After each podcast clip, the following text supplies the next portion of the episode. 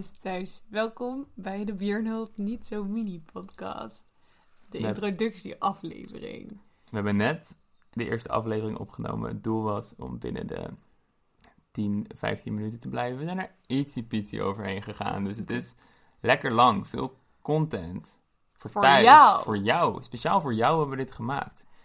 En ehm, ja, we, gaan, we hebben het in de aflevering gehad over... Of we gaan het hebben in de aflevering over onze reis. En over het proces van het huisje kopen. En hoe spannend en moeilijk. En hoeveel geluk we uiteindelijk hebben gehad. En we vertellen een klein beetje over, onze, over onze, ons leven hier. Ehm, En over het huisje zelf. ja, maar daarover ook meer in de volgende aflevering, denk ik zo. Eh, als, dit, als, als jullie dit wat vinden, natuurlijk. En ehm, blijf vooral hangen voor een daverende prijsvraag aan het einde. Die wil je, die wil je echt niet missen. Onze wekelijkse rubriek. Ja, het, het test je kennis, je, je moed. Je, wat zijn nog meer eigenschappen die die test? Ja, ook gewoon inzicht. Inzicht. En, en algehele... Ke- Of je een goed mens bent. Of je goed, me- zowel ja, je, je deugdelijkheid als je intelligentie worden getest bij deze prijsvraag. Dus blijf daar vooral bij, voor hangen en ehm, ja, ge- geniet ervan. Heel veel liefs. Heel veel liefs. Succes. Veel plezier met de show. Ik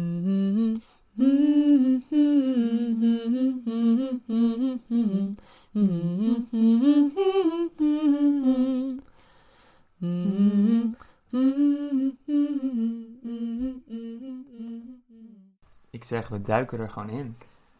We gaan het ehm, vandaag hebben over een droom die ik al maanden, misschien al jaren heb gehad. Mijn eigen podcast. Maar ja, we nemen hem op uit het huisje in Zweden voor logistieke redenen. Ja, we zijn live in de Björnhult studio. Ik zet deze nog iets meer in het midden. We zijn live in de Björnhult studio. eh, bij kaarslicht en laptoplicht. Enige moderne apparaat hier in de omgeving. In ongeveer 300 meter. Misschien wel meer. eh, de podcast aan het opnemen. Juist. ehm, dit is eigenlijk allemaal begonnen. Tenminste, de Björnhult-avontuur is eigenlijk allemaal begonnen in april. Ja, we zijn in april naar Zweden gegaan met de Touran na een hoop auto-opstartproblemen. eh, met het grote doel om een huisje te vinden. En we zijn nu hoeveel maanden verder? Het is nu Vier. augustus, vind ik moeilijk. Een groot aantal maanden verder. En we hebben een huisje gevonden en we zijn hier nu een maand. En het leek ons wel leuk om ja, toch op een of andere manier een beetje in contact te blijven. Ook nog met de mensen thuis. Want we hebben hier geen stroom, eh, geen wifi. We gebruiken ons mobiel maar heel weinig. Maar ja, we willen toch wel dat mensen die dat willen een beetje kunnen horen wat we uitspoken. Up-to-date blijven, Ja. op de hoogte blijven. En we spoken nogal wat uit. dus nou ja, in deze podcast willen we dat eigenlijk wel vertellen. Maar door de mini-podcast. Het idee is dat we tien minuutjes kletsen. Maar dat, nou, dat hebben jullie allemaal net in de introductie gehoord, die we, die we nog gaan opnemen. Lars, dit moet opnieuw. Nee, ho- hoezo? Het kan helemaal niet. We, zijn, we noemen altijd veel te veel dingen opnieuw in de podcast. En Nee, introductie. nee, nee. Ik wil gewoon meteen over de reis praten eigenlijk. Oké, we gaan niet opnieuw beginnen. Dit laten we erin. Uncut, mensen. Dit is uncut. Jullie horen de real story. Juist, en dit is hoe het is. De rauwe werkelijkheid. In ieder geval, ik wil graag het hebben over de reis. Met de Touran. Hoe we begonnen bij Jöran en Anita in Zuid-Zweden.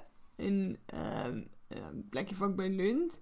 Ehm, net op het begin van de grote bossen van Zweden. Hoe we daarna zijn gaan kamperen. En hoe we naar open dagen zijn geweest.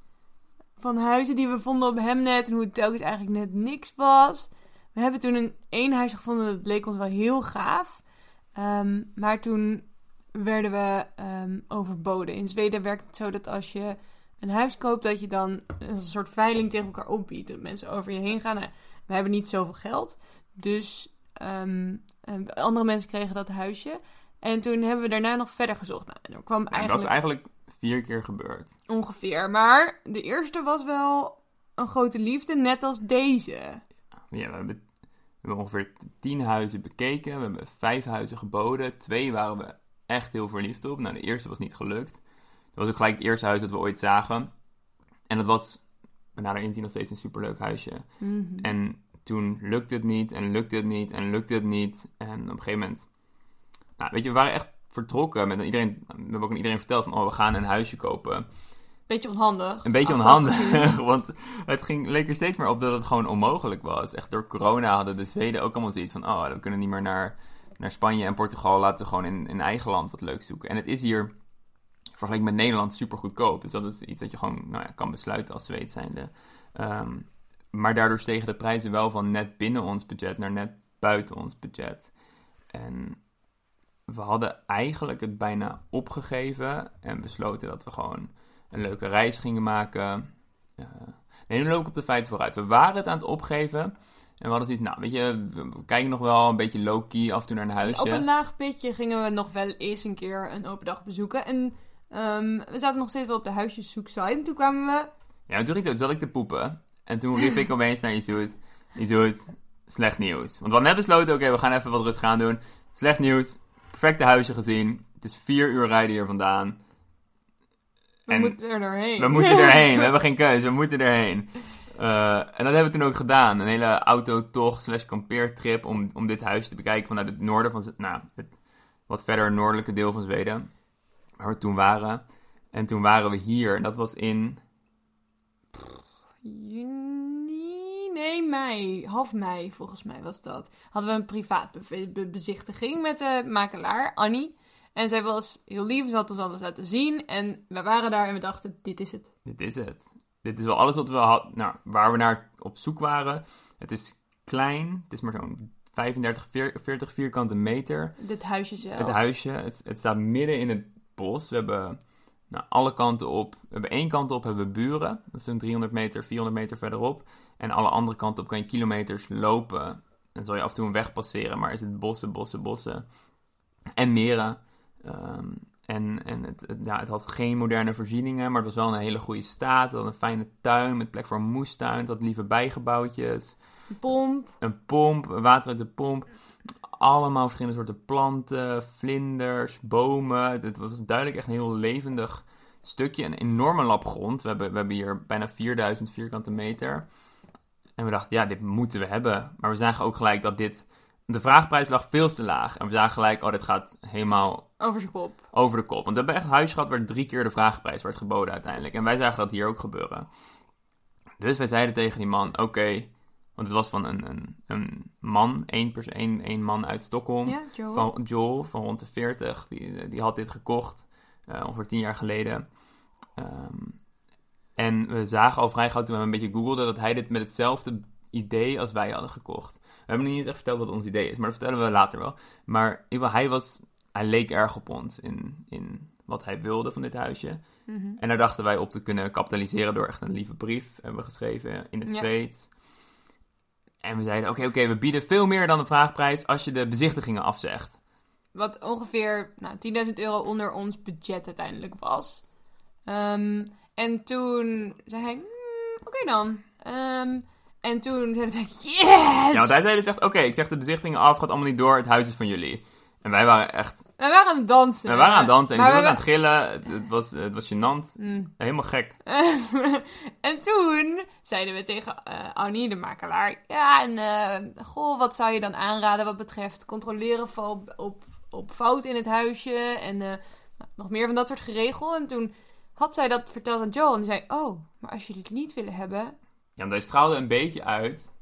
Alsof we nog niet... Ja, tenminste, dat dachten zij. Dat wij een beetje uitstraalden dat we er niet 100% zeker van waren of zo.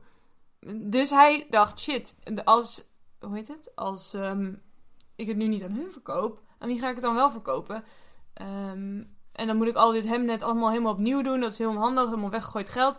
Dus toen ging de bezichtiging wel door. En onze naarste dromen kwamen uit, want er waren natuurlijk andere mensen die dit ook wilden hebben. En meer geld ervoor over hadden. Of tenminste meer geld hadden dan wij. Niet een beetje meer ook. Er werd uiteindelijk het dubbele geboden van wat ons aanvankelijke bod was.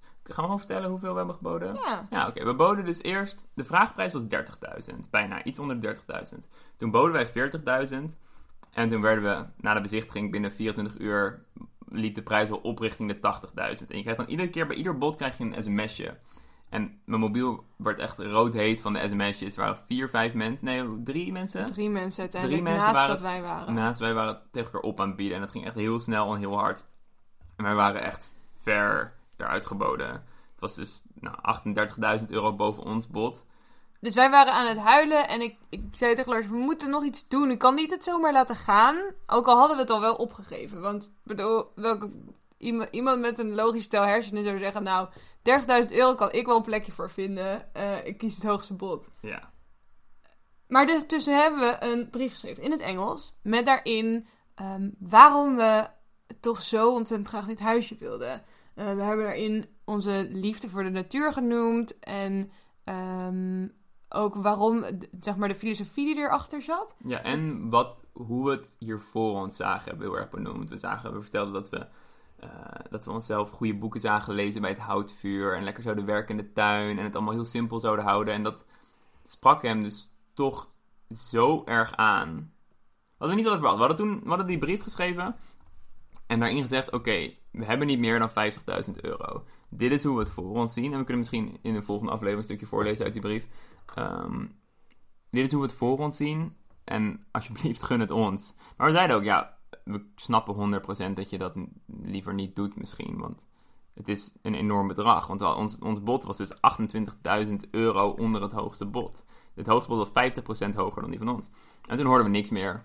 Ehm, dus wij waren langzaam aan het accepteren, oké.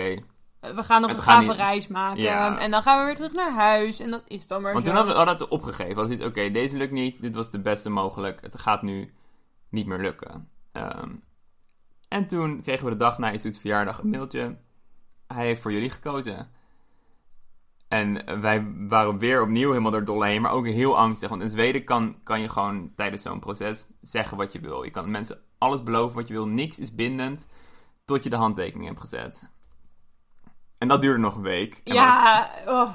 dus we hadden een zenuwslopende week. En toen weer een reis, weer van 4 uur hier naartoe. toen was het 35 graden ook. Het was echt... Nee, nee, toen was het nog geen 35 Oh, graden. toen Nu was- loop je op de vet Jawel, het was het ook heel warm. Terwijl we bij Johan en Anneke... Oh ja. Oh ja, Nou toen was het ook 35. 35. ja, heel warm en heel zenuwslopend en verschrikkelijk. Maar ehm, hij was er zelf niet bij. We waren hier alleen met de makelaar en wij maakten onze handtekening. En dan zou zij het opsturen naar Johan, dan zou in Stockholm. En dan zou hij dat dan weer terugsturen naar haar. En dan zou het allemaal compleet zijn. Nou ja, gedoe. Ehm, Conclusie. Uiteindelijk, want we lopen alweer 20 tot 10 minuten aan te lullen over dit proces. Uiteindelijk is het gelukt. Tegen dus echt alle verwachtingen in. Als we nu ook terugkijken, was het gewoon niet heel waarschijnlijk dat we een huisje konden vinden. Het is echt je hebt echt een goede ziel als Joel nodig. Ja, want dat was het. Deze man heeft gewoon, terwijl hij ging trouwen en ook in verwachting was van een kind, heeft hij echt een enorme zak geld laten liggen. Omdat hij ons dit gunde. Omdat hij zei, ja, ik wil dat mensen met een droom zoals jullie dat gewoon nog kunnen uitvoeren. Ehm, en daar zijn we echt gestoord dankbaar voor. En nu zijn we dat dus aan het doen. We hebben hier nu ongeveer een maand gewoond. Waarvan de helft van de tijd met, ehm, met gasten. En nu zijn we weer, nadat mijn moeder en mijn opa langs zijn geweest, zijn we weer alleen. We zijn waarschijnlijk ook nu de komende maand hier met z'n tweetjes. En ja, het is zoals we van tevoren ons een beetje voor hadden gesteld. Alles wat we hadden gewild, ja. We zitten, nou, we kunnen wel gewoon vertellen hoe we vandaag bijvoorbeeld onze dag hebben gevuld. We werden wakker van het zonnetje die door onze ramen heen scheen, want we hebben nog geen gordijnen. Eh, en toen zijn we lekker, we hebben even zoet even een vuurtje aangemaakt. Ja, en we koken al ons, al ons eten en zo koken op een houtstookfornuis. Dus dan maak je een vuurtje aan en dan wacht je even en dan kan je daarna je potje thee koken. Het kost ongeveer 10 minuten. En toen hebben we lekker, wat hebben we ontbeten? Broodjes. Nou, lekker broodje. Het punt is, we hebben lekker lekker kopje thee van het houtvuur. Toen zijn we naar buiten geweest. Het was vandaag, na een paar dagen regen, echt weer heerlijk weer. 21 graden, een zonnetje. En we zijn begonnen met het maaien met de zeis. Op de ouderwetse manier eh, van ons grote grasveld. Dat was nogal een uitdaging, want het stond echt vol met onkruid. En we kunnen niet zeisen. Dat duurde... Eventjes. Dat duurde eventjes voordat het een beetje, een beetje soepel begon te gaan. Ehm, We hebben een wasje gedraaid. Dat betekent ehm, dat het vuur aanbleef. En dat we heel veel water uit de pomp dat nog niet drinkbaar is. Maar wel redelijk schoon dat we dat allemaal aan het opwarmen waren. En aan het mixen waren. En aan het stampen waren. En aan het draaien waren en zo. Dus dat, nou, dat duurt dan eventjes. Maar het is wel heel fijn om zo bezig te zijn met alles met aandacht. Ja, en, en zo spenderen we nu een beetje onze dagen. We zijn aan het tuinieren. We hebben echt een waslijst van taakjes. Het huis is wel echt in een goede staat. Eh, Joe heeft het achtergelaten met best veel meubels. Ehm, en ja, zeker van binnen is alles echt goed. Maar we hebben een tweede huisje in de tuin staan. ehm, waar die- we ook het een en ander mee willen doen. Dus daar zijn we allerlei projecten aan het uitvoeren. Want dat is wel leuk om te vertellen. Het huis is tussen de eh 100 en 200 jaar oud. We weten het nog niet precies. Maar die van 1800 gebouwd. Ehm, Ja, helemaal van hout. Het, het, heeft hout. het, is helemaal, het is een soort blokhut, zeg maar. Eh, rood geschilderd op de klassieke Zweedse manier. En ehm, het staat op een heuveltje aan een zandpad. En het zandpad, dat ehm we nog wel zenuwachtig over. We wisten niet waar dat heen ging toen we het kochten. Want we hadden, nou, we zijn natuurlijk twee keer geweest, maar toen hadden we het al gekocht. En het blijkt echt eh, de natuur in te lopen en dan min of meer dood te lopen. Het is wel een weg naar Wimmerby, maar ze hebben een eindje verderop eh, hebben ze met machines lopen rijden, dus het pad is eigenlijk niet meer te ontdekken. Ik moet wel vertellen, want Wimmerby is dan de stad. We zijn wonen Ja, dus niet sorry. heel ver van de bewoonde wereld. We zijn vijf kilometer van het dichtstbijzijnde buurt Supertje, zeg maar. Daar is Södra een klein dorpje. Ehm, en dan 15 kilometer van de grote stad, van, van Wimmerby. Dat is de stad waar Astrid Lindgren is geboren. Dus het is helemaal in het teken van Pippi Ja, Langkous. het is echt en- een verschrikkelijk themapark ook nog. Ehm, maar heel- verder is het heel schattig. Het is aardig schattig. En heeft precies alles wat we nodig hebben. Ook een supermarkt en een bouwmarkt. En Nou, en een tien bouwmarkten. Het stikt echt van, de, van zeg maar, de groot, groothandels waar we al onze, onze spulletjes kunnen halen. En, en ja, daar wonen we dus. Er zit ongeveer ja, 10, 15 kilometer bos tussen ons en die stad. En hieromheen is het een beetje een landelijk gebied. Met, eh, het is heel heuvelachtig, veel velden, veel kleine boertjes met koeien. Het is allemaal echt super kleinschalig. Niet echt, ja, op die ene grote boerderij na. is het- Maar het is, het is ja, maar vooral... dat was echt best wel ver weg Ja, al. het is hier om ons heen echt super kleinschalig. En dus de bossen. We hebben eh, net lekker avond gegeten met paddenstoelen die we vandaag hebben geplukt uit het bos. En ja, we hebben al heel veel bosbessen geplukt en frambozen. En als je tien minuutjes wandelt, dan kom je eh, bij een klein meertje waar een soort watervalletje bij te vinden is. En je kan in het meertje zwemmen. En het watervalletje is precies zo hoog dat je soort van, als je een beetje hurkt, kan je er net zo onder douchen. Alles dat wel echt stervenskoud. Maar dat, nou ja, dat, dat kan. Ehm, het is echt eh extreem een droom. En nu moeten we denk ik alweer een einde maken aan de podcast, want hij is al te lang. We houden 10 tot 15 minuten, we zitten al bijna op 16. Dus het is Oh, kut. officieel geen mini-podcast, maar een medium podcast geworden. Helaas. Helaas. Ehm, en er moet ook nog een introductie bij, dus het wordt veel te lang. Maar We moeten er ook nog een prijsvraag doorheen gooien. Oh, hoor. en er is een prijsvraag. Eh, de, welkom bij de wekelijkse... Waren er nog meer wekelijkse rubrieken die we hadden bedacht? Ehm, ga even bladeren in, in naar de wekelijkse rubrieken papiertje. er is een wekelijkse prijsvraag ehm, voor onze trouwe luisteraars. En hij is deze week als volgt. Doe inderdaad nog een keer De prijsvraag heet Verboden te googlen. De rubriek heet Verboden te googelen. De wekelijkse prijsvraagrubriek. Eh doe een roffel voor de prijsvraag. Ik weet niet of je het hoort. Ik weet ook niet of je het hoort, maar er is een roffel. En de prijsvraag is als volgt. Dames en heren thuis, hoeveel vingers steek ik op? Ik steek een aantal vingers op. Eh, mijn assistent Isoet Ottens heeft het waargenomen. Je mag het waargenomen? niet googlen. Stuur je antwoorden naar ons. En we zullen de wi- winnaar horen. De winnaar krijgt een prijs. Wat is de prijs, Lars? De prijs is nog geheim. Maar volgende week onthullen we zowel de winnaar als de prijs. Dus kom gauw weer... eh, Hoe doen we dat? Zet weer de... tune in. Tune weer in bij de volgende aflevering van de Björn Mini Podcast. Joe! Oké,